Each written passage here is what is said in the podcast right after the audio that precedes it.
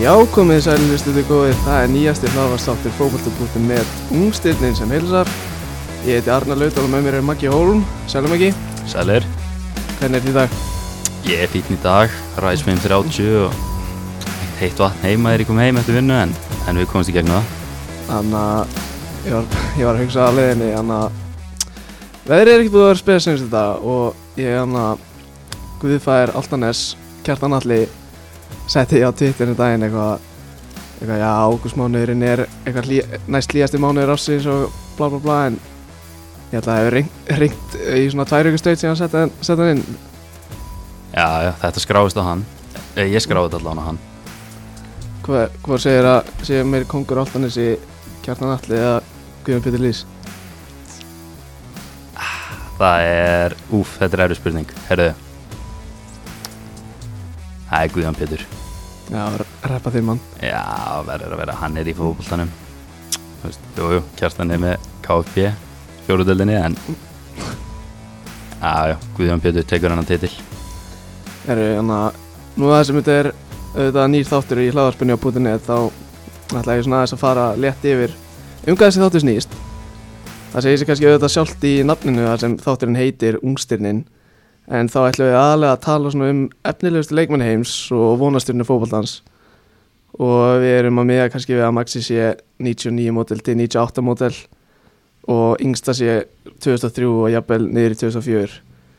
sem og að brjóta upp þættina með þessum dagskorliðum sem- þegar þeir eiga við og svo ætlum við líka að fá til okkar marga unga efnilega leikmenn í viðtöl stráka í Pepsi Max og stráka sem spila erlendis Jú, jú, passar. uh, Andri Fannar Baldursson leikmæður seri A á Ítalíu í Bologna hann kemur í þætt- þættinum á eftir Já, já, það er bara að byrja í alvöru. Byrj, byrjum á neglu hvað er ekki bara er ekki að vinda okkur í bara fyrsta, fyrsta mál dagskrá Jú, ég er til Ég er hérna með þrjá leikmenn eða við erum með þrjá leikmenn sem við ætlum aðeins að fjalla betur um fyrir ykkur og ef ekki bara byrja á fyrsta manni byrjum á fyrsta Það er Ozan Kabak, Hafsend fættu 2000 hjá Schalke já, Ja, Hann er hérna, hann er uppalinn hjá Galatasaray ok og og hérna, hann fór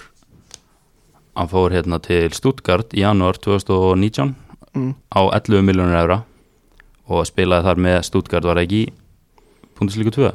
jú, ætli það ekki getur verið árið fór upp Jú, ég held að hann hafi tekið slæði með þeim þarna í 6 mánuði já, og svo var hann bara hirtur til sjálfke á 4 miljónum meira eða 15 miljónur evra já þannig að hann er svona hann er ungur en hann hefur allavega hann að spila með þremur flottum liðum í Evrópu hingað til og hann átti á brattan að sækja í byrjun hjá Sjálke en hann alltaf byrjaði bara þetta er fyrsta tíðanbúl hans og hann novembermánuði held ég að hann hafi unnið sér inn í liðið og búin að vera fasta maður í hjartavartanina síðan reyndar var vörðin hjá Sjálke ekkit spes í ár en hann er búin að vera fýtt Og hann er hvað, 2000 model hann er 2000-modell, 20 í ár Já, gammal við jújú, jú, hann er jafn gamall og við Sko, market value hans á hjá okkar mönnum á transfermarkt er 29 miljonar eura, það er slatti Já, já, það er alveg vermiði og maður hefur séð það núna á þessum dögum að Liverpool hafi verið að skoða hann en ég sé það ekki gerast nefnir ná að losa menn þar sem að þeir eru þeir eru ekki mikið í því að spreða þeir hefðu ekki verið búin að kaupa Tiago þessar blessuðu 30 miljonir en þeir vil ekki fara hærri en 25 Já, það, við vorum að sjá bara rétt ára byrjum að taka upp að Liverpool er officially byrja að tala við bæminninum að um kaupin á Tiago Alcantara það er alvöru liðstyrkur fyrir þetta lið Michael Edwards, direktur af fútbólinu og Liverpool, hann, hann hann er ekki mikið fyrir að eða peningum, hann er meira fyrir að fyrir að selja á Nei, nei, hann hatar að eða peningum, það er bara þannig En hann elskar líka að fá 20 miljónir punda fyrir leikminni svo Jordan Ibe og Dominic Solanke sko. Já, hann basically setti bara Bormoth nánast í gældrótt eftir þess að Silva svo langi og Jordan Ibe Úf, þeir voru, hvað fengu þeir fyrir Nathan Hake? 40? 41 41 miljón pita Þeir borguðu jafn mikið fyrir þessa tvo púlara eða svona svipa mikið Já. og þeir seldu Nathan Hake, úf, það er ekki gott Það er ekki gott Nei, nei, en Bormóð, þeir, þeir verða sterkir í Championship á næsta ári, ég trúi því Heldur það? Já, já, Eddie Há farinn og Ég veist, þeir náttúrulega fengu bara basically Eddie Há tilbaka sko, mann sem er búin að vinna með honum í 8 ára eða eitthvað Já, þannig að þú veist, þeir eru aldrei neðar en sjötta sæti á næsta ári ja, þú, þú ert meiri professional um Champions-deildina frekar en ég ég hef ekki trúið því, ég var líka ég var að lesa um ég var að lesa um það hérna, að þetta er náttúrulega, þetta er eiginlega bara ósangjant í Championship á næsta ári, það sem að samningandin í, í ennsku úrvastöldin eru þannig að lið sem falla fá greiðslu frá Premier League tvö ári röð sem eru nú er ég ekki alveg við sko en ég ætla að kasta 40 miljónum pund á fyrsta ári sem, að, sem er sem sagt parachute payment heitir þetta til að hjálpa liðum þú veist, að fara ekki gjaldrótt fyrst að, þú veist, því að þau eru að borga mun hærri laun og þurfa að losa leikmenn en ef að liðið eins og hverju fjallið Norvits, Bormóð og Votvort Passar. ef þessi lið er að fá 40 miljónir punta núna bara til að leika sig með það meðan lið eins og Queen's Park Rangers er að þurfa að losa besta manni sinn bara fyrir klink Já, þá eiga þessi lið öll að vera í top 6 heldur þú samt að þú veist, þessi lið sem voru að falla úr Premier League þú veist, hafi efni á því að vera eigað öllum þessum pening út af náttúrulega, COVID verðsina tók slatta í peningana sko þú veist, það allavega hjálpar þessum liðum gríðarlega að fá Já. þennan pening meðan hinn fáðu ekki þennan pening Já,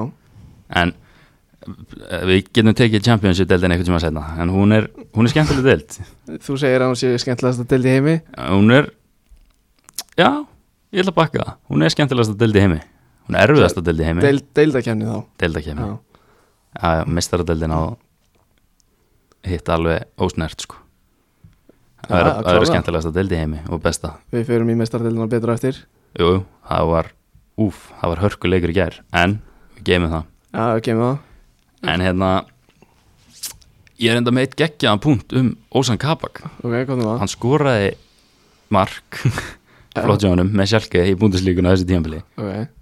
og það var, hann var 258. markaskorari í sögu sjálke í efstudöldi Þísklandi og þeir eiga metið yfir flesta markaskorara já Já, já, þetta er áhugavert Já, mér fannst þetta allavega mjög áhugavert Já, já, þetta er Þetta er fínasti punktur ekki þeirra sko Er Það ekki? Já, En- Já, bæin eru kannski með Svona meira konsins, konsistent markaskorari kannski Já, já, þú veist Bayern München, PSG og Juventus eru lið sem að bara gera það að völdum og ég nenni valla að fylgjast með þessum deildum sko. Já, Þú veist, Það er ekkert stuð þegar lið er að vinna þessa deild 6, 7, 8, 9 ári í röð sko. Já, þú veist, sjálfgeið er líka svona þú veist, einn af þeim klubum sem eru kannski svona þú veist, meira svona selling club Jú, Þú jú, það var þeir eru meira svona að byggja upp leikmenn og selja á herri fjóraðir það var einn úr ekki, úr úlinga akademi í Sjálkeið sem kom inn á að gera PSG, Julian Draxler hann er og hann, já, svo er, þú veist, núna er það West- Weston McKennie, já Kabak veistum ekki, er hann 0-0?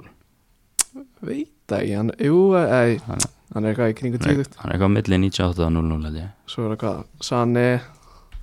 Já, já. Sane þann Neuer náttúrulega Já, og Núbel núna sem var að fara, já, kýperinn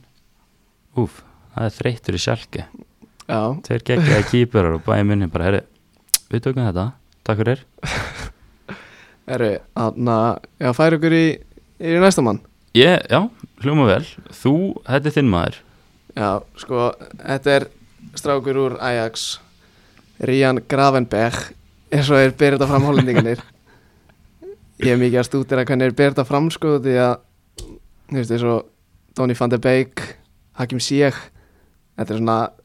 þetta er svona nefn sem menn er að kannski ekki að fara alveg reyf með, skilur hann ég, ég stútir þetta sem ég er mikill Ajax maður Já, þú hatar íslenska framburinn Það er bara þannig Já, en sett Rían Gravenberg Það er strákur fættur 2002 í Ajax Miðumæður Mjög stór Er með búin að spila Núna spilaði held ég nýju leiki fyrir Ajax á tímabilinu Og einn í fyrra uh, Spilaði 27 leiki með Sett vanarlega Ajax sem Og hann að skoraði með bjöliðinu sko tvö mörg og nýju stóðsettingar og skoraði með aðliðin í ár tvö mörg og meina stóðsendingu þetta er strákur sem Justin Kluivert sonur, sonur Patrick Kluivert hann var í viðtalið við eitthvað miðl og sagði bara að þetta væri bara ungi hollenski Paul Pogba þetta er já, er þeir verið eitthvað að segja um það eða? Er lungin að bolta eða? hann er mjög efnilegur og hefur mikið potensial styrkleikan er þú veist, mjög tæknilega góður Þú veist, eins og ég kom fram á hann þú veist, hann er 1.90, hann er mjög reyvalur Hann er 1.90, svipaður og Pogba 18 ára gamall Hel, helviti fína löpp góður ég að fá hann um miðinni og skipta yfir og svona Já, en eins og aftur líkt á Pogba þá er hann kannski ekki besti, besti varnar svona miðumæðurinn sem til er sko, þetta er svona strákur sem vantar kannski meiri aggressíft í og, og eitthvað svona Já, en en hérna þú vissir að Mino Raiola er umbásmaðurinn hans Já, ég komst að því um daginn já, já. Þannig að það er það er kannski eitthvað til í þessum Pogba samanbörðum þú veist, mín og Rajóla er líka ekki að taka einhverja gæja til sín í agent-heiminum sem eru bara eitthvað 0 og nix sko Nei, nei, hann er búin að græja Erling Braut Haaland og Mattias de Ligt bara á síðast ári, síðast ári sko. hann er með að báða og- er ekki, er, þú veist, Haaland er nei, Haaland er líkt, er hann ekki bara svona, er ekki mest launast leikmaðurinn á eftir Ronaldo E og EU eða jú, ég myndi alltaf það ég, kemur úr úlingalega Ajax já, já, Eins og- hann á eftir að sanna sér almennilega í, á stóra söðinu hann fór í, fór í aðgerð í ger já, er það, ámælistæðinu sinum, hvar, öxl úf, leðilegt gæði þetta að byrja ámælistæðinu sinum og fara í hann að aðgerð á öxl já, byrju, 21 á samalið uh, 20, og- já, 20 árs, 99 já. 99 já, já, það er bara svona líka hann að ég var að, sko, ég var að sjá sko Ajax settu hann að svona ammalispóst á Instagram í ger af, Já. af honum þá tók ég eftir því að mynd nummer 2 var tekin að kópa sælli Já, það er enda mjög skemmtilegt Þetta var alveg lið sem þið mættu með hann og kópa svolítið Kóttu með nokkra leikmenn þeir voru hann að klævert og, og delikt og ég held að voru, ég held að voru ekkit það margir sem er eitthvað búin að ná rosa langt ég held ekki Nei, nei, en þú veist Hverju voru að spila hann að leikur í breyðablík til dæmis Það voru Aron Kári og Willum og Kolbjörn Þóraðar Já, ok, viljum, viljum í batið eða ekki og Patrik, Patrik Sig í markinu Brentford Brentford Já, já, þú veist, við erum með Justin Kluivert og Mattias Delikt Báðar að starta í Serie A já, Reyndar eins og Andri Fanna Baldursson sem kemur Já. reynda eftir líka ég, ég sé ennþá eftir í dag ég var, ég verður ekki sett eftir svona tíu sunnum en ég var náttúrulega í gæslinni á þessu leik Já, já, þú ert búin að nefna það nokkru sinnum og ég sé ennþá eftir í dag að ekki, að ekki náði inn í selfie af mér og klæðivert eða eða delikt sko því að ég held að sko held að þessi leikur hefði verið haustið 2016 og, og svo fer ég til Hollands í april 2017 og fyrir Ajax leik og þá er delikt bara í hafsendum Já, Var hann komið með bandið hjá Ajax undir lokin eða? nei, ég held að David Klassen var með, var með ah. Já, já, ok Já, þetta er alveg lið þetta er alveg lið En hérna, þú ert nú mikil aðeinsmaður Þannig að ég spyr þig bara Daily Singrafin sem fór til Lefukusin já, Er hann búinn að spila eitthvað? já, spila á móti Inter, Inter í Európa-dildinu daginn Já, já, ég var svoandi þá sko hann næstu búin að fá hann, hann tæpur að fá sér víti það var, var, það var tekið í var en svo var tekið af Já, jú, ég sá það reyndar eitthvað á Instagram eitthvað Var það ekki algjört flip eða? Jú, þetta tók allt og langa tíma þetta tók örgulega svona fimm mínútur að græða þetta Já, reyndar talandi um grillu víti Sástu þegar að Messi var hamraði niður að kúlu bali já, Já, þeir reyttu bara solid kortir í að átta sig á því hvort það hafi verið vítið eða ekki var það ekki? Jú, Það var- dæmt víti. það var dæmt víti. já, já, Ég meina, þú veist Persónlega mín skoðun, alltaf viti já, klálega Ég já. held að flestir séu á þeirri skoðun líka, líka þú varst að tala um Singraven sem kemur Ajax Já, Náttúrulega, veist, veistu hver er að þjálfa Leifurkursen það? er þið Vá, hvað kemur að opna skjöldu hérna? Uh, nei, ég er ekki með þetta á hlunni gæðin sem þjálfaði Singraven á Ajax ára hann skipti Pet, Peter Bós eða eitthvað Já, jú, jú, jú. B-O-S-Z já, það er gæðin sem var að þjálfa á 2017 held ég, eða 18 fór svo eftir það tímabildi lögurkursin ég veit reyndar ekki um hennar þjálfara, ég er bara síðan í FM sko Það er ekkert flóknir að það FM, FM kunnáttan er svolítið að fleita okkur fleita okkur áfram í þessu, í þessu podcasti Já, ég er alveg tilbúin að bakka það hér og nú að ég er topp 5 bestur í FM á landinu og ef ykkur vil challengea mig í því þá bara DM uh, ungstyrðin á Instagram já, eða, eða Twitter eh, bara endilega sko, ég er ekki sammála okkar mönnum í transfer, transfermart þeir eru meðan sko market value hann á 11 miljonir Já, var 12 miljonir í um jólin en að lækka þið, að það er búið að lækka hann ég get alveg lofa þér því ef að, ef að þú veist, eins og ég sé hérna, þú veist, hann er búin að vera orðaðir aðeins við Man United, Roma, AC Milan en þessi gæði er að fara á svona 30 pluss ég get lofa þér því ég, ég er endar ég er svona, það er nostalgía í Ajax sko. ég nenni ekki að sjá þess að gæja að fara bara á okkur að bila þér upp aðeins lengur mér langar að sjá bara alvöru Ajax lið Já, Þú veist, jú, þeir fóru í undanúslið í mestaradeldinni 2000 og hvað var það? Bara í Fyrir fyrra. me- Já. með geggjalið líka Já, mikið ekki að lið en þú veist, svo er það bara tveir kottnúkir bara ripnir frá þeim 98 og 99 eða ekki Franki De Jong og Delugt Jú, eða ekki ég, ég vil sjá Ajax bara á Mm. sama stað og Manchester City, Liverpool, Real Madrid í dag unnu mestadildina hvað seinast 95 með Vandi Sari búrin held ég og Van Gali brunni og, og já, Fóru vandi sar úr því að vinna mestraradeldina með Ajax í bara að spila með fúlam já ah, það er skemmtilegt held hann að vera í Ajax fór svo yfir í Juve þaðan í Fulham og svo í United Þú veist, maður heyrir alltaf tala um það þú veist, hann hafi toppað bara þú veist, 49 ára eða eitthvað hjá Manchester United sko. já, var hann ekki góður eða Þú veist, nú er ég ekki fættur þegar ég runið þessa mestaradel sko. nei, ekki þú heldur en nei, reyndar ekki veistu það, var hann góður ekki, ekki hugmynd þú veist, en nú aftur, DM, segja okkur hvort að hérna, Edvin Vandi Sar hafi getað eitthvað í markið að hann að fóð til Sör Alex Ferguson en ég er enda með einn geggjaðan punkt um Ræðan Grameberg já, Berg já, rétt rétt búið fram að hérna, Martin Steglenburg var að þjálfa undir 19 ára landslið á Hollandi þegar uh, Ryan spilaði sinn fyrsta undir 19 ára landslið og viss, vissir þau nokkuð að Stegliburg var að hann að skrifa undir í Ajax bara um daginn Aha, Ég- þeir sæna hann aftur það er svoleiðis já, kannski ha, sem hvað þá? Ég veit ekki hvort að Onana sé á leiðin til Chelsea Í eða- markið? Í markið Þeir voru að spila æfingarleik um daginn Ok, nú verði ég að fletta einu upp sko. Þeir voru að spila æfingarleik við eitthvað hollænslið um daginn unnu 6-1 og Stengliburg var í búrunni allan tíman Býtu, býtu Er ég kannski bara eitthvað, nei, nei Vi, Við höldum okkur bara við þetta, ef þetta er rámt sem er þá bara er þetta rámt sem er Þetta er í fyrst skipti sem, ég- nei, þetta er þetta í annars skipti sem að ég er með podcast, ég þurfti að búa til podcast í hérna, menningarsögu í FG Það gekk mjög brösulega Þa- Það var um hvað aftur Það var um múslim, nei, jú, hvernig vorum við þetta Það var um múslima í knattspinnuheiminum Við vorum sem sagt að gera podcast þar um, um múslima trú Já, Úf, nú veit ég ekki hvort sé að fara rétt Jæja, allavega Og við fengum það einhvern veginn í gegn að bara tala um fótbolta í 20 mínútur eða eitthvað það er þetta að finna þetta spottu eða ekki En Herru, nei, nei, nei, nei, nei, það er Sleppum því Herru, skautum yfir í í senasta leikmann sem við tölum allavega í byli Það er kannski Ætlum við ekkert að minnast á eina titilin sem Ryan hefur unnið á ferlinum eða? Já, nei, ekkert eina titilin Eina titilin sem hann hefur verið í aðalhuturki Hann vann EM undir 17 ára Unnu Ítali í úslutum í vítum Já, hann var í þýliði Hann var startur í því liði Veistu hver var fyrirlið? Undir 17 hjá Ajax Já, 0-2 model já, Nei, hjá Ajax í Hollandi já uh, Úf, akkur er þú með þetta á hreinu?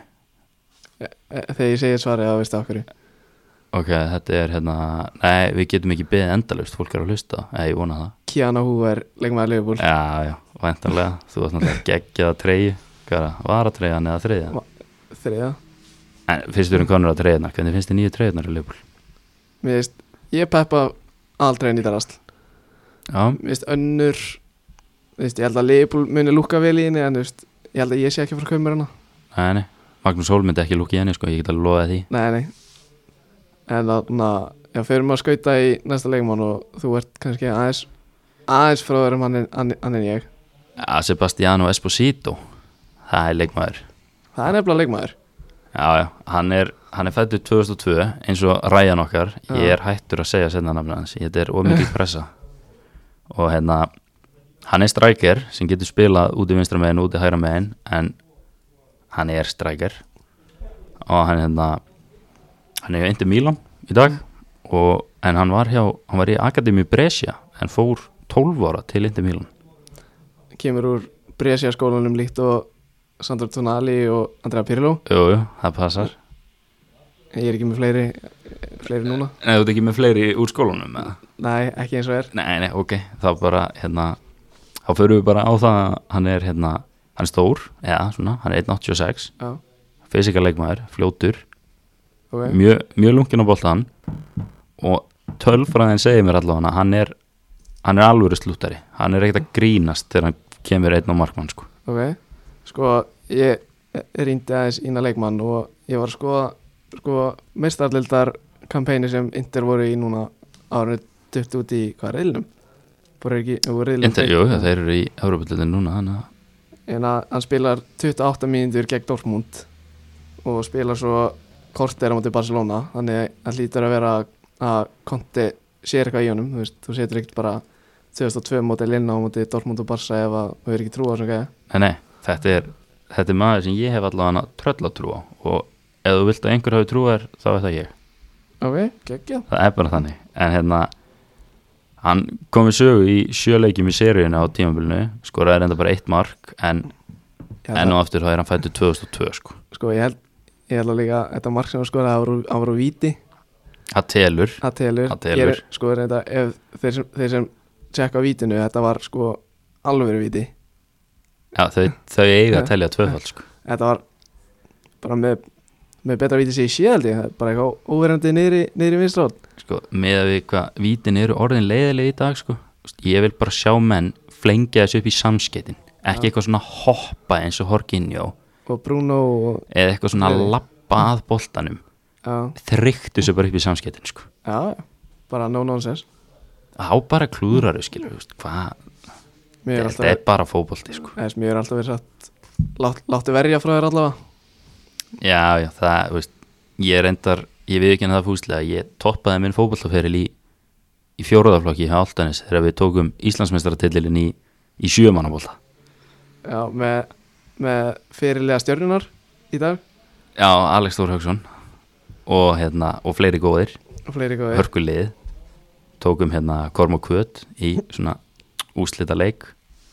og hérna, já, og það er að stærsta sem ég hef gert á mínu fótballtaferli og það, ég held að verða ekkert mikið starra en það, sko. nei Nei, nei, Íslandsmeistari, hann tekur það enginn á mér eigum við að fara, sko, nú erum við búin að tala um þrjá, Nei, nei, við erum ekki búnir sko. við erum ekki Við búinir erum langt frá að vera búnir ok, Sko, þessi sjöleikir og eitt mark Fólk getur bara glemt því að því að Þegar hann var að spila með jafnöldur sínum Þá sett hann 25 mörg í 34 leikjum Og hann var með mark á 80 mínúna fresti já, ég sá líka að hann, hann spilaði eitt leik með UFO Youth League liðinu spilaði 75 og, og skoraði bara tvö, skilur fór svo bara út af Já, þú veist Hann er ekkert að flækit eins og ég segi þegar það er að klára sko. En hann var að skrifa til líka nýjan samning Til 2025 okay. Þannig að jú, það segir okkur hann Inter er ekkert að grínast með hann eitthvað hann er að spila á móti Barcelona í Champions League hann er að fá nýjan samning og, en Torino á Ítalju eru, þeir eru interested eins og maður segir að fá hann á láni já, það er, það er svolítið brasa að vera með Lautaro Martínez og, og Romelu Lukaku fyrir fram að þig Úf, Romelu Lukaku og skili bara knús, bara gott knús ég sá að búin að ríða sér heldur betur í Ekkert. gangi eftir að hann kom til eðlilega sko en ge- þú veist, ímyndum okkur aðeins Sebastiano Esposito og Andrea Bellotti sama frammi á Torino wow, gott svona power punch, eitt svona kraft frammeri og eitt svona lítil fljótur Nei, það er reyndra 186 eða Nei, ekki? þú veist, bara, bara tveir framherjar sem kunna skora Þú veist, Já. það er bara það sem strækirinn þurfa að gera Já, já, bara, veistu, maður er ekki alltaf if you're, if you're old enough Nei, if you're good enough, you're old enough jú, jú, ég, er, ég bakka það Já, já, klálega en það er ekki annað hægt með þetta podcast en hvað hva erum við að fara að gera næst? Sko, við erum að fara í núna sko, sko félagskiptin sem hafa farið í gegn núna í, í glugganum svo far Já, uh, eh, hvað er til að byrja? Jude Bellingham, Alltaf ok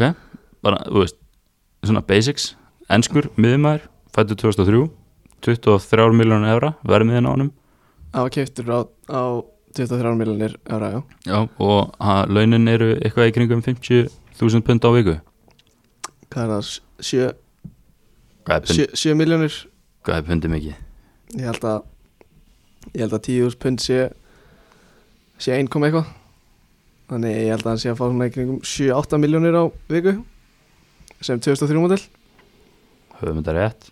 Já, já, hann er með 8,9 miljónir cirka 9 miljónir á viku. króna á viku 2003 model Úf, hann er þremur árum eldur en yngri en við sko. já, hann er með þessi yngri en andri fannar Já, við förum nú ekkert að spyrja hann út í lauginni, það er, nei, það er óþægilegt mál. en sko ok, hann að Jude Bellingham fyrir til fyrir til Dortmund og alltaf en það var mikið ra- rætt um það sem Birmingham gerði eftir að hann fór Já, já, ég bakka það ekki. þeir sem sagt þeir eins og við segjum á góður ennsku þetta var svona Jersey Retirement þeir, Já, það, hvað var númer 20 ég maður ekki hvað 22. já, eitthvað hannig og það er bara að það má engin nota númeri 22 eða númeri sem var númer bara ever hjá Birmingham Já, hann er nú 22. hann spilaði hann var, Hann spilaði 44 leiki með aðliði Birmingham á ferlinum sem er reyndar sturdlað Ja. maðurinn er 17 ára og spilaði 44 leiki í ár já, en þú veist ég, ég sem Liverpool stuðningsmaður þá hefur ég að horfa á Naby Keita í áttunni í dag þú veist, ég hef alveg séð förðulega menn ekki að segja að Naby Keita sé förðulega sko, ég hef tröll að trúa honum en ég hef séð förðulega menn með flott númer eins og 7 og ég veit ekki hvað og hvað hjá Liverpool sko. ég, það er engin börmingan stuðningsmaður að fara grátand og kottan og það kemur ykkur ný kaupin nummer 22 sko Robbie Keane var í sjöni hjá Leifbúl í, Já, já. í hálft ár Já, hann er, hann er hörkukaup eða var hörkukaup hvað spilaði hann marga leiki á þessum sex mánuðum og hann fór aftur til tóttanum og það er frábær finning ég man að ég fef mér gráu og rauði vartreina á leifbúl fór beinti ég út þegar hendi kín aftan á vel peppaður Úf, herri, talandi um að fara beint í og út til að kaupa liðbúltri ég fór að kipta rauðu treyna þegar Joe Cole var á leiðinni hann var ekki kominn, sko, hann var á leiðinni og gaurarnir í Jóa voru bara herri, þú kemur bara eftir helgi, það er ekkert mál og við bara græjum treyna fyrir þig pappið var með mér, ég veist hvað, hvernig kom hann 2010 2010 Já, ég hef verið nýjára eða eitthvað Já. og ég bara, ég horfði á pappa og bara ég er ekki að fara heim nema þessi treyja komið með mér Joe Cole 10, takk fyrir takk fyrir brent og ég fór heim með Joe Cole 10 og sem betur fyrir þá gekk hann til ræða sér Liverpool- nei, ræða við Liverpool hann að grunna nokkur en dögum senna hefur alveg, hann átti ekkit stórkostlega fyrir sérundra og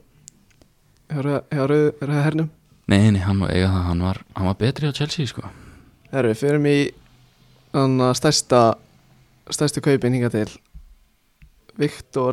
Osimhen frá Lill til Napoli á 70 miljónir evra sko, ég hérna, var aðeins að grafa dýbra í það mál ok, verðmiðan á honum og þeir sem sagt borguðu 70 miljónir núna 70 miljónir núna og, en síðan er þetta garantít að fara í 81, komma eitthvað sem mun gera hann að dýrasta afriska leikmanni allra tíma er ekki bara by far eða? Nei, nei, það var einn keftur í fyrra Nikolas Pepe á 80 frá Líl Alveg Þeir eiga rétt. tvo dýrustu afrísku leikmenn allra Nei, ekkert afrísku Jú, whatever Afrísku, já. Já, þeir eiga sem sagt tvo dýrustu allra tíma Þetta eru 160 miljónir pluss samtals Það er rosalegt fyrir líl sko, hvað getur saman hvað hann gerði f- hjá Lill til þess að til þess að vera keiftur á ennan þessar uppæðir til Napoli Þú veist, ég get ekki sagt það mikið Ég veit bara að hann er, hann er fættur 1998 sem gerir hann 22 hann, hann setti átjámörk í 38 leikjum í öllum kefnum með líl ok, í ár og þetta var fyrsta tímabilið hans hjá Lill hann var keiptur frá óf, þetta verður eitthvað Charleroi Já. Char Charleroi eitthvað, í Belgju á 22 miljonar evra bara í fyrra og svo bara beint þaðan til Napoli já, já, það er, þetta er bara 60 miljonar evra cirka, létt í gróða það er Já. allt í lagi Ok, sko, nú, nú fyrir við í, í lítshotnið þitt Já og sko, ég veit að þú varst ekkert í skíjónum með að ég hefði fengið að tróðin einum lýtsleikmanni en þú verður ánað með það að heyra eftir vinnu í dag og bætti ég við þremur þannig þannig að við erum að fara að taka fjóra lýtsleikmenn bara svona létt skilur Ertu að vera að taka fullam strákin? væntanlega að teki fúlamstráki Ok hefur þú síðan í FM eða? Nei Nei, ég er nefnilega bara síðan í FM sko ekki síðan spilaði í alvörinni en, en ég meina, st- ég treysti fútból með ennsir bara bara fyrir öllu sko Hvað er góð með það? Herru, Joe Geralt fættu 2002, striker frá Englandi, fættist í Bílaborginni gaman, að- gaman að minnast á það hann keftur eina miljón frá Vikkan til Leeds, skrifaði fjögur ára sáning Ok hann er með hérna hann er með þrjú mörk í sex leikjum með undir átján og, og ekkert mikið meira en það bara svona update á, á Leeds fyrst að þeir eru loksins komnir í ennsku úrvasteldan aftur Ok. svo var Jamie Shackleton miðumar, skrifum til fjóra ára samning og, og Mattius Bókus að skrifum til þryggja ára samning og svo bara keftu þeir núna í í dag, morgun hægri bakur frá Fúlam, fættu 2001 á, það var óuppgefið verð á honum en þú veist, þetta var ekki yfir miljón pund og hann skrifaði þetta fjóra ára sáning Ok það er bara svolítið svo leiðis Sko nú fyrir við í, í eða ef við ekki bara að fara í Champions League núna Jú, bara endilega já ég er, ég er down Ok, það var náttúrulega eitt leikur í gær úf, það var leikur ekki ermaður ef við ekki að byrja að hró- hrósa Anthony Taylor eða Þú veist, mér fannst hann flottur á flautunni sko Já, það var svolítið að Já, mér finnst mjög stannlega fýtt sko að, mér fannst hann flottur sko bara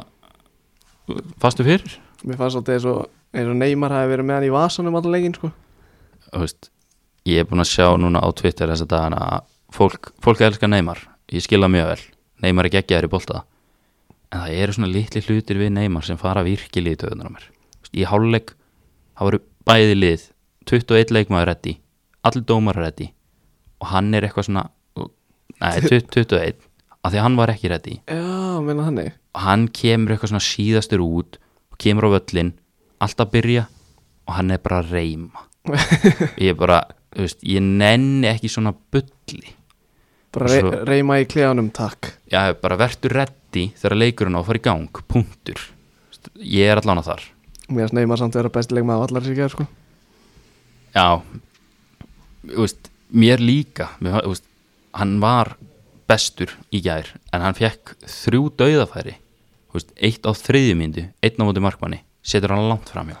svo kemur hérna Hatibóður hæri bakur er allar landa með einhvern vonlösan Já, bolta þetta er bara- innfyrir Eða eitthvað blind tilbaka Já, bara á vinstri, inn fyrir sína eigin vörn Já. Neymar, neglur hann framhjá aftur, þú veist, Já, hann það er kostaði þetta hræðilegt 200 hann kostaði 222 miljónur evra, sko Já. Þú veist, ef ykkur myndi borga 222 miljónur evra fyrir mig það myndi ég bara læra að slúta, sko en það er bara ég bara mín skoðun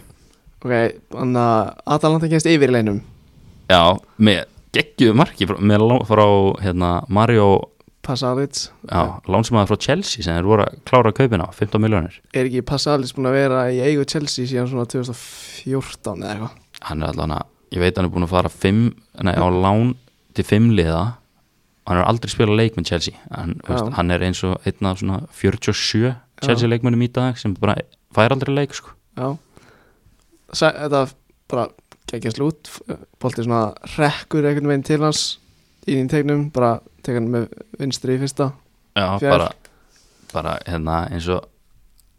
FIFA félagi mínu segja bara gott finesse shot með vinstri í fjær sko. bara er eitt ringur það er bara errið þringur frá svolítið svoleiðis en hérna svo, svo gerist er, áður en við hoppum svona alveg inn í leikinn þurfum við ekki að tækla Jósef Elisits aðeins eða Jú, ég er ég er til í það maðurinn er með 15 mörg í Serie A á tímanbílinu, 21 mark samtals á tímanbílinu, Mm. markaðasti leikmaður liðsins, Úst, eflaust búin að vera bestur svona, Já. með Held yfir. Gómez og, Já. og félögum og hann, hann ætlar að koma heim í kóið til slóinni og konan bara halda framhjá Úst, sögur segja að hann hafi bara lappað inn á hana En að það er komin ávart já, hefi bömmir sko grýpur konuna glóðvolga í rúminu með einhverjum öðrum og hann er bara, það er verið að tala um á Ítalíu og hann er bara, hann er bara kannski hætt í fókvölda Já, það er það er nýjasta nýtt en hún hérna hún Tína, Tína Pólovína eins og hann heitir Ok, hún, hún vinnur sem sagt í mentamálaráðanitinu hjá Slóveníu ég var aðeins að grafa dýbra en flestir sko og það er talað um að það sé líklega ástæðan fyrir að hún flutti ekki með honum Já. til Ítalíu sko það er mega sens og og þau byrjuðu saman 2009 og eiga tvö börn saman þetta er allt rosa förðulegt sko. Þetta lít, já, þetta er, þetta er Þetta allt er- rosa skrítið, sko. þetta er rosalega förðulegt allt saman en, en nóg um það ég, þú veist, ég, get, ég ringdi ekkit í henni ég veit ekkit meira en bara það sem ég er búin að lesa sko. og það, þetta er allt það Ok, svo sko, er komin 89 klukkuna. Já og, og það má bæta því við að það er búið að taka Sarabia og Mauro Icardi út af sem voru ömurlegir í þessum leik Já, Íkardi var, ég sá hann ekki gera neitt í gær. Þú veist, Ef að Thomas Tuchel ætlar að vera bara á öðrum fætið þarna og henda Mauro Icardi á hægri kantin í byrjunleikis þá náttúrulega það er ekki hægt að búast um miklu Nei, nei. Setur hann að Paredes og hver kom inn á meðanum? Draxler? Þeir gera ekkit eðla mikið að skiptingum maður skipta á markmanni og læti í þessum leik sko Já, Navasinn, Navasinn tókna aftan læri eða eitthvað. Já, já, ég held samt áfram í 8 mínútur, áfram annaði með hann Já, fyrir, fyrir margmaður Fúlam kom inn á. Sergio Rigo, Sergio Rigo. var hann ekki á Sevilla líka? Já, geti vel verið, ég er ekki Ah. klárað því. ég, ég ætla ekki að lofa að fólki þessu Ok, sko, Atalanta, veist, ég tók eftir ég á 70. mínúndu, Gummi Ben talaði mikið um það líka. Sabata var gjörsanlega búin að eftir sko 70 og Atalanta leiði bara í heldina og var bara sprungnir. já, já, og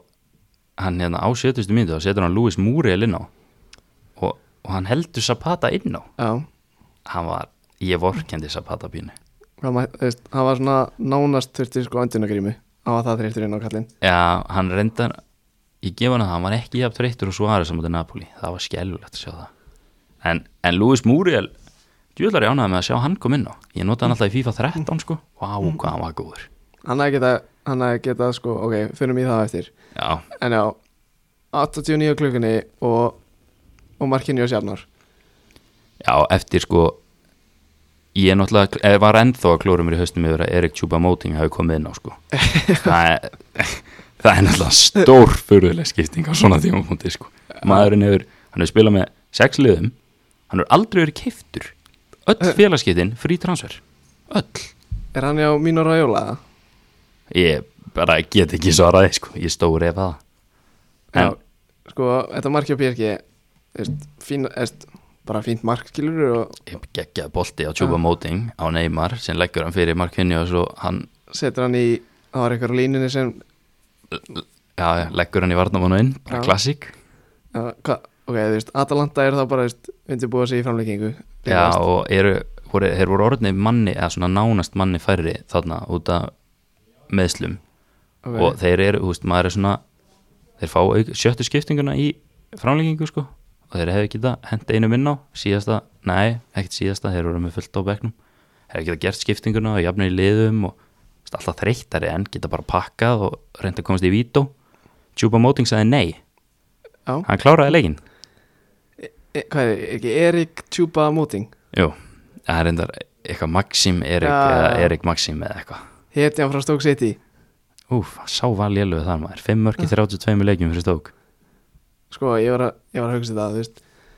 þú veist, hvað heldur að hann hafi hugsa bara að fara símtryggingu frá agentinu sínum Og bara,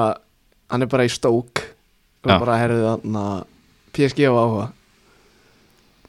Nei sko, ég var að tala um áðan að ég hef verið að klóra mér í haustnum yfir skiptingunni Ég er ennþá að klóra mér í haustnum yfir þessum félagskiptum sko En, þú veist, ég er ennþá bara nart í sokk Þeir eru konur í undanúslið mestaraldeldinni og ef að tjúpa mótning var ennþá í stók þá er það ekki gæst ég held ég sagði þetta við um daginn líka sko, ég held að Ragnar Klavan sé ennþá að klóra sér í hausnum eftir að eftir að hann fekk símtryggingu um að Leopold vildan sko Já, ég er, við skulum ekki fara að vera með neitt Ra- Ragnar Klavan slendur hérna í þessum þetta sko og hann bara með Alfred Fimbo í Augsburg og svo bara fyrir til Liverpool þetta er, svo- þetta er svona ok, þetta er kannski ekki alveg af nýtt en en mér finnst þetta tjúpa móting dæmi, ég skila ekki að þú sko Nei, nei, en það þýðir ekkert að klóra sér í hausnum Hann sokkaði okkur og það er bara þannig líka bara svona af öllu þú veist, PSG á endalasta peningum það geta keft einhvern annan Já, þeir eru náttúrulega búin að kaupa gríðarlega mikið sko En hérna ætlum við að spá fyrir um næstu þrjá leiki í mestaradöldinni eða bara klára mótið Spá bara sigur mút mótið Byrj, byrjum á hverju fara áfram okay. það er Leipzig, Atletico í kvöld Já, ætlar að láta mig spá eða ætlum við báður að spá eða hvernig ætlum við að hafa þetta hvað þú mér spá Ok, þetta er allt freka basic allt ykkur Madrid fyrir áfram Ok, ég, sko, ég vona að Leipzig fara áfram Ég veit ekki okkur, ég, ég, ég er ekki mikill allt ykkur Madrid maður sjálfur sko. næ En já, ég, ég veit ekki, það er eitthvað við Leipzig sem ég fíla hvernig Nagelsmann er að þjálfa á því sem ég, sem ég peppa, sko ég er endar fíla Leipzig ekkert heldur sko. Nei, hvað er þetta, bara 1 1-0, allir dík og pakki vör,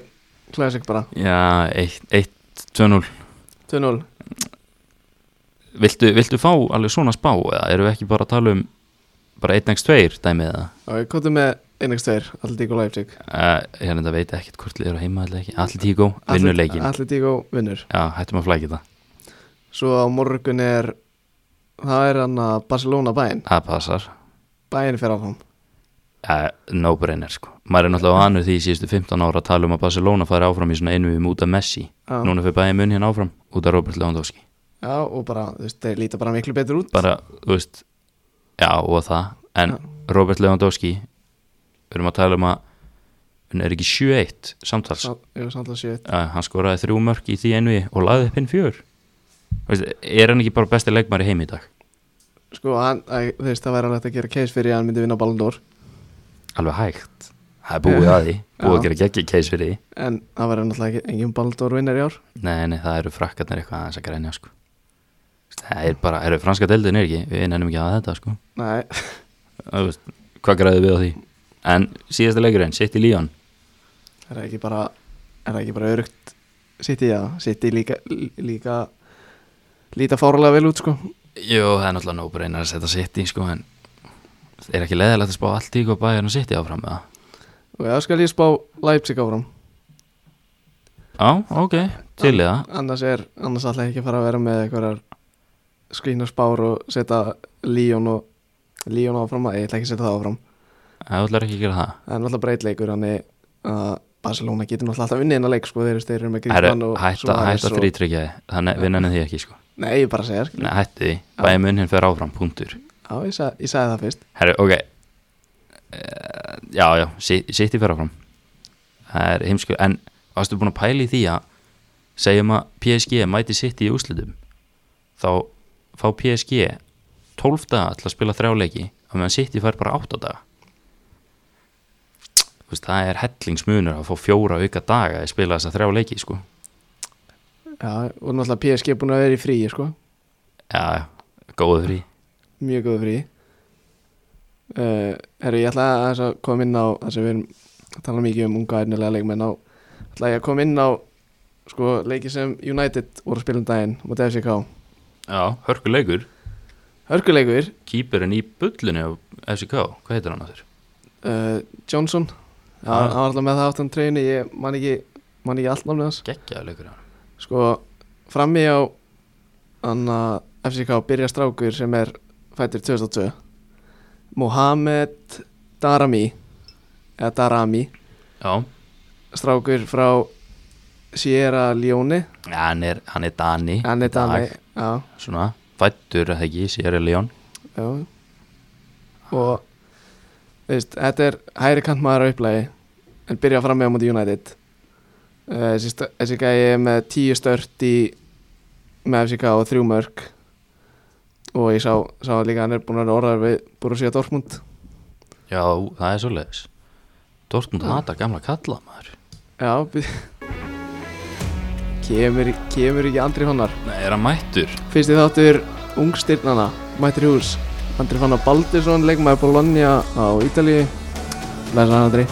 Blessaður, Sælur? hvernig er ég er mjög brattur en þið. Já, já, við erum bara við erum bara heldur feskir já, ég er bara mjög fýt sko þú þú ert á landinu, hvað verður hérna lengi Uh, ég fer aftur út 23. ágúst. Þá fer ég í æfingabúðir með liðinu upp í fjöll. Við ferum upp í eina viku upp í fjöll í æfingabúðir og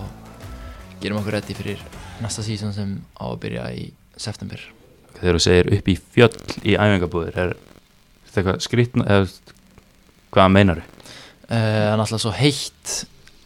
í bara skilur við venjulega Ítalíu þannig að við förum upp í fjöll og það er kaldara þannig að við getum æft betur og Ah, eðlera. já, ég, ég talaði þessu um daginn þú varst að tala um þess, það er bara 33 gráður og sunshine alla það Já, sérstaklega þegar ég var úti þetta var bara 30 til, þetta fór alveg upp í 38 gráður þannig að það er alveg virkilega heitt sko. Já, herru Þú vorst að framleggja Já, það er rétt Hvað býtu hvað var þetta langur sáningur? Fimm ára samningur Fimm ára sáningur það er ekkert annað uh, Ég veit að við, við viljum kannski ekki fara inn enna tölur en, en launin frá fyrsta samning og þessi samningur er kannski ekki hægt að bera það saman eða þannig Nei, það er það er virkilega mikill munur við Virkilega viklur Já, já, það, það er flott En hérna Þú spilaðir sjöleiki í seríunni núna á fyrsta sísunni Já, hvernig, þú veist, hvernig var það? Hvernig er að fara úr því að vera bara hérna að æfa á vetunar í þú veist, fífunni og eitthvað í að fara að spila bara í seríu A? þetta er eiginlega svolítið óraunverulegt ég var ekki að búast við þessu svona fyrst um, ég bara var alltaf með að æfa með þeim, bara reyndi að gefa allt sem ég gætt í æfingar og sína hvað ég gætt og fekk tröstið og þú veist, þetta er náttúrulega bara geggju tilfinning að spila á móti öllum sem leikmennum og bara vera á þessu stóra sviði sko. Spila, spilaðir ekki tvisvar á San Siro í sumu vikunni? Jú, það er rétt Úf, það er alvöru maður, er þetta ekki síðasta sísunni á San Siro? eða?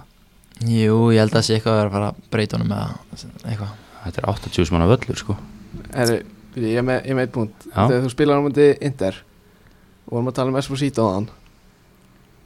Þú veist hvað það er Já, já, já Hefur spilað á mótunum áður en, en þessi leikur fór í ganga Um, já, ég spilaði eins og með honum þegar á mótunum þegar ég var að spila með varaliðinu hjá Bologna þá voru að spila á móti 0-2 eða 0-1 landsliðinu hjá Ítali, Ok. svona æfingarleikur Já. og það er svona kynntist Jónum smá fyrst Er hann, er hann kvöldi, já? Það er alveg mikið potential í honum sko Já, þannig að þú bakka mig upp Já, já, ég held að hann sé alveg ég, hann hefur allavega, þú veist hann hefur hæfileika hann, hann, hann er góður leikmaður, já Herru, ég hann að ég rætti aðeins við þig eftir júveleikin þegar þú varst í hóp Segðu okkur svona aðeins söguna á bak eða bara svona eftir leik þú náttúrulega komst ekki inn á Þú tala aðeins í gegnum svona hugsunarferðlit eftir júveleikin Já, þetta var náttúrulega fyrsti leikur eftir þessa löngu COVID-pásu og ég hef búin að undirbúið mig mjög lengi fyrir hennar leik náttúrulega Juventus er ísastort lið og bara náttúrulega draumir allra að spila mátti þessu lið og Cristiano Ronaldo til dæmis og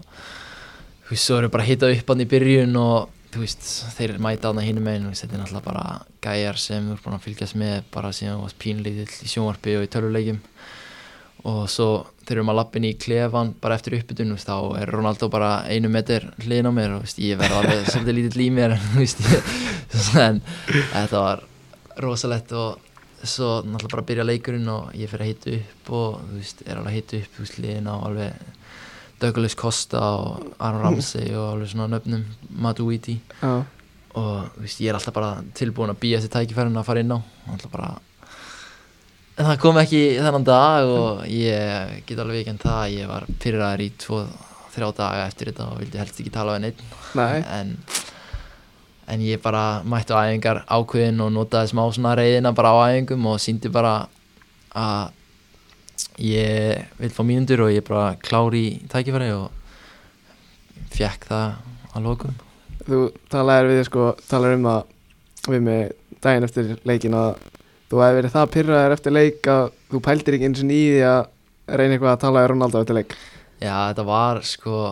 Þetta var ég, auðvitað, margir að segja við mig að reyna að ná treyjun hans og ég var auðvitað með að baka eira að ná treyjun hans eftir leik og þú veist, það var möguleiki hann var, labbaði fyrstur inn í göngin eftir leik og ég var á bekknum og ef ég hefði bara labbað strax inn þá hefði ég náð honum í göngunum en ég var svo pyrraður að ég bara pældi nýst ekki í því sko, það kom smá eftir sjá eftir á en það verður bara að koma annan tækifæri Ég er ánæði með þetta mentality sko Já, ég, Bara að mæta á æfingu og sína þeir heima þarna sko já, nákvæmlega Er ekki bara næsta sísón, ná treyju? Já, nákvæmlega Hefur þú náðu ykkur í treyju, svona ykkur stóru nafni? Nei, ég samt spurði Drís Mertens eftir Napoli leikin og hann var samt því miður búin að lofa einhverjum öðrum leikmanni í treyjuna þannig að Klæðið sig afsökun Já, það er þetta Já, bömmur. Það verðist það er Herru, þarna við, sko, þú erum allir í Bologna og með þér í Bologna er Gary Medel sko, svona fyrir gæði sem mjög magga sem náttúrulega, þú veist, náttúrulega þekkjum hann ekki neitt en svona, ég sé hann fyrir mér bara sem svona gæði frá Chile til svona varna sinna gæði, þú veist, Hvernig er að vera með þessi gæja á æfingum? Er hann komin klikkaður það? Um, hann er, hann er virkilega mikill liðsmaður og þú veist, á æfingum er hann að öskra og hvetja menn og ítast í mönnum til að, þú veist, fá herra tempo og hann hjálpar mér til dæmis virkilega mikið, hann talar við mig, hann uh, kennir mér eða skilur síni mér hluti sem ég á að gera betur kannski eða gera vel og þú veist, þetta er alveg topp gæi og þú veist, þetta er svona uh, hvað ég segja, hann er svona hann er bara svona góð liðsmaður og þú veist, náttúrulega lætur mig mjög mikið finna fyrir sér, hann tapar ekki einviðum hann hend sér í tæklingar á æfingum og hlaupið út um allt, gefur alltaf 100% í alla leiki og æfingar hann er bara geggjaði gæði. en, hérna, en svona utanvallar, þú veist, er hann eitthvað að grínast eða? Já, já, hann er hann grínast sko. Já, það er húmur í honum Já, sérstaklega hann er alltaf með söður amersku leikmennunum, Palasi og Dominguez og þessum köllum, þar eru þeir alveg að djóka. Hvernig er, hvernig er Domingas? Svona, veist, Er hann kvöldið það? Um, já, en þú veist, ég bjóst persónulega meira mm, frá, meira frá honum hann náttúrulega argetíska landsliðinu og svona en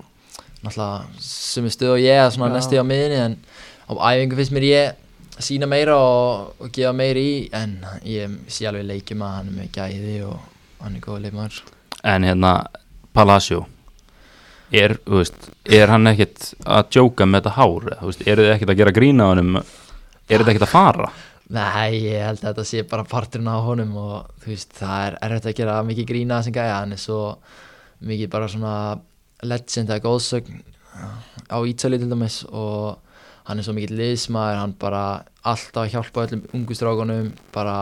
hann var í leikbanni í einum útileiknum og þá er yfirlt flesti leikmenn sem taka frí eða þú veist taka lett aðeingur, hann vildi bara koma með í leikin og þú veist, þú veist verið í öllum undirbúningnum og bara svona, þetta er bara svona svo mikið respekt á hann ekki hann að, þú veist, en þér persónulega hefur þér aldrei langað að klippa þetta á honum eða? ég veit ekki, þetta er náttúrulega ég, þetta er ekki að flottast að ég sé en Er þetta eitthvað- er skelvileg Er þetta eitthvað svona trúað hjá honum það? ég hef ekki spurt út í þetta sko, það er alveg smá gerð grín á hann sendum en ég, hann má bara höra svo hann vil sko Já, ég er ekki alveg þar sko, sa alveg sama hvaða ástæður á bak við þetta, þá er þetta ekki lægi sko. Æ, Eru, hvena, hvena ferðu frá blikum í Bologna? Hvað, 2000 og, hvað, 18? já, ég fer eða ég fer 2019 í februar Okay. á lán fram að sumri og þeir eru með forgangsrétt á að kaupa mig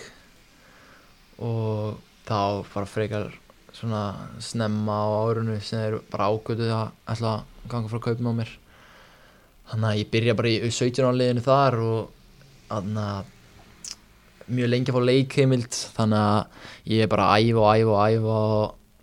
og var lítið að spila, svo spilaði ég einhverja þrjá fjóra leiki með 17 og svo er ég bara strax ferður upp í varaleið og tek svona hálft eða heilt sísón með þeim og svo er ég bara tekin inn í aðlið þannig að þetta er búið að vera frekar fljótt að gerast En hérna, með, þeir voru með hérna, kauprétt á þér, Já. Úst, veist þú eða mátti eitthvað gefa upp hvað það var eða Ég, hvað upphæð það var? nei, ég, ég það er ekki um það Nei, Nákvæmlega. nei, þú, ok, það er Hann- allt í góð. Hvaða options voru samt í bóði fyrir utan Bologna? um, Það voru, það var alveg ég frett alveg einhverjum áhuga á Englandi og meira á Ítali og eitthvað smá Norðurlundurinn líka en þegar ég fór á reynsluna hjá Bologna og sá klúppin og bara svona stefnunni á þeim þá var ég eiginlega bara á æfingasvæði þá var ég eiginlega bara heillar af því og langaði að fara þangað Til ég að gefa upp eitthvað lið á Englandi eða? Ég veit það ekki Ég veit ekki leiðin sko Ég, ég voða lí- lítið að spá í einhverju svona uh, Þessu Ég læt umbásmennina mína og bara pappa minn sjá um þetta En hérna, svona ungur fluttur út, spila bolta, Já. hvað hva kemur svona mest og óvart? Eh, Það er náttúrulega uh, þegar maður var yngri og þá, held, þá heldur maður alltaf að þetta sé bara að vera atvinnum maður í fótbolta það sé bara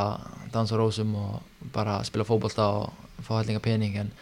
þetta er ekki alveg þannig þetta er miklu miklu meiri vinna og það er miklu meiri mótlæti heldur maður býst við og þú veist það er, það er mjög stutt á milli að þú sért í byrjanliðinu og gengur gett vel og svo ertu bara út í kuldanum á bekknum Eh, um, þú ert að vera mjög traustur og hafa mikla trú á sjálfur í þessu og bara standa með sjálfur ég held að það sé svona m- mikilvægt í þessu Já, en hérna, byrjuðu einn út í það? Nei, pappi minn flutti með mér fyrst uh, og var með mér mest allan partinn og mamma fl- kom svona út inn á milli líka og bróður minn og kærasta þannig að það var mjög mikilvægt að hitta þau alltaf og eins og alltaf í COVID-pásunni þá mátti pappi eða mamma eða einhver koma með mér út út að ég ætti að fá bara sér leifi frá klúbnum til að mega koma til Ítalíu og þannig að þá var ég bara einn á hóteli Hvernig var það að vera bara einn á hóteli í miður COVID? Bara, Það var frekar erfitt sko, ég náttúrulega byrja að fara í 14. sókvi á hóteli og má ekkert æfa að gera neitt þannig að ég fer reyndi að fara út að hlaupa bara sjálfur, bara í kringum hótelið og svo auðvitað er þetta erfitt, þú veist, ég var einn í þrjá mánuði á hóteli og bara að æfa á allt á hótelinu en þú veist, þetta er bara, þetta er bara verkefni sem það er að leysa og ég bara klára þetta. já, já. Þannig að, hvað, varst- þú veist, hvað, þú veist, þegar þú varst ekki að æfa, hvað varst það að gera? Um, ég var mest mestan tíman á æfingarsvæðinu en þegar ég var ekki þar þá þú veist, fór ég í Playstation eða var að horfa á einhverja þætti eða einhverja fótballleiki ég reyndi að horfa á Pepsi ég reyndi að fylgjast mjög mikið með Pepsi sérstaklega ég er úti og mjög mikið áður því þú veist, bara ef ég fekk frít þá reyndi ég að fara út í sundlaugina eða fara í körubolta eða bara eitthvað að reyna að dunda mér sko. Já. En hérna,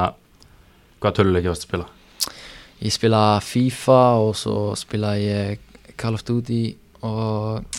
eitthvað smá Fortnite og eitthvað svona bara. Er það að spila með einhverjum í liðinu eða? Já, ég það kemur fyrir að við spilum saman Fortnite og, og Call of Duty. Er það þú og, og Sko Olsen eða? Já, ég er búinn að spila aðeins með honum og, og Densville sem er hollendingur. Ég spila mjög mikið með þeim, þannig að það var bara gaman. Uh, já, en hérna, landslýsverkefni, hvað, þú veist, telur þið geta brotist inn í að landsliði núna á næstu missurum? um, auðvitað er að draumur að spila fyrir alansliðið og ég væri virkilega til í það en bara saman hvað verkefni ég fæ ég mun alltaf leggja mig jafn mikið fram og gefa eins mikið af mér og ég get samátt að séu 19, 21 eða alansliðið bara Sko, eða væri bóði, þú veist, allanslið, eða veitu þú einn, þú veist, þú væ- þú veist, væri, myndir vera kallar í allanslið, þú veist, þú veist, æfa með, þú veist, gilva á þeim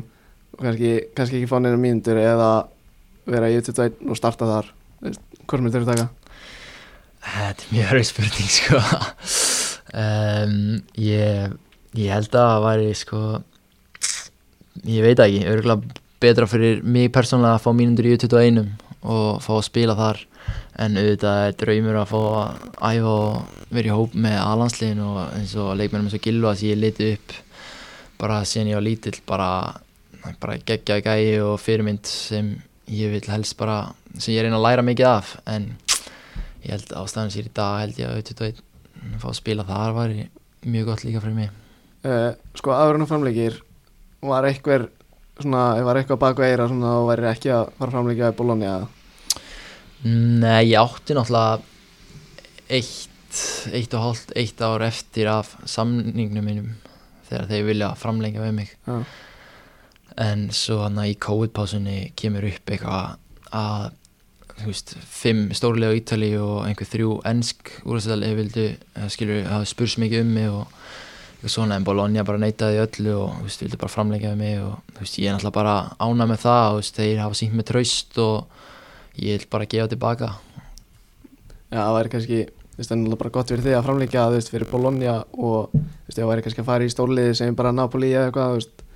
kannski erfið að komast inn í liðið þar og kannski kólnar aðeins og Já, nákvæmlega, fínt að fá bara, fínt, fínt að fá bara reynsluna í séri, já. nákvæmlega, ég er virkilega ánað með bara alla mín sem ég hef fengið sko, tek öllu mín til fagnandi Herru, ég sá á Instagraminu einu daginn að þú varst á flugvellinum, setti, setti mynd af, mynd af skóm, svona Jordan Dior skóm, Já, þannig að bankabókin, þú veist, hún veiktist ekki drosalega eftir, eftir kaupin.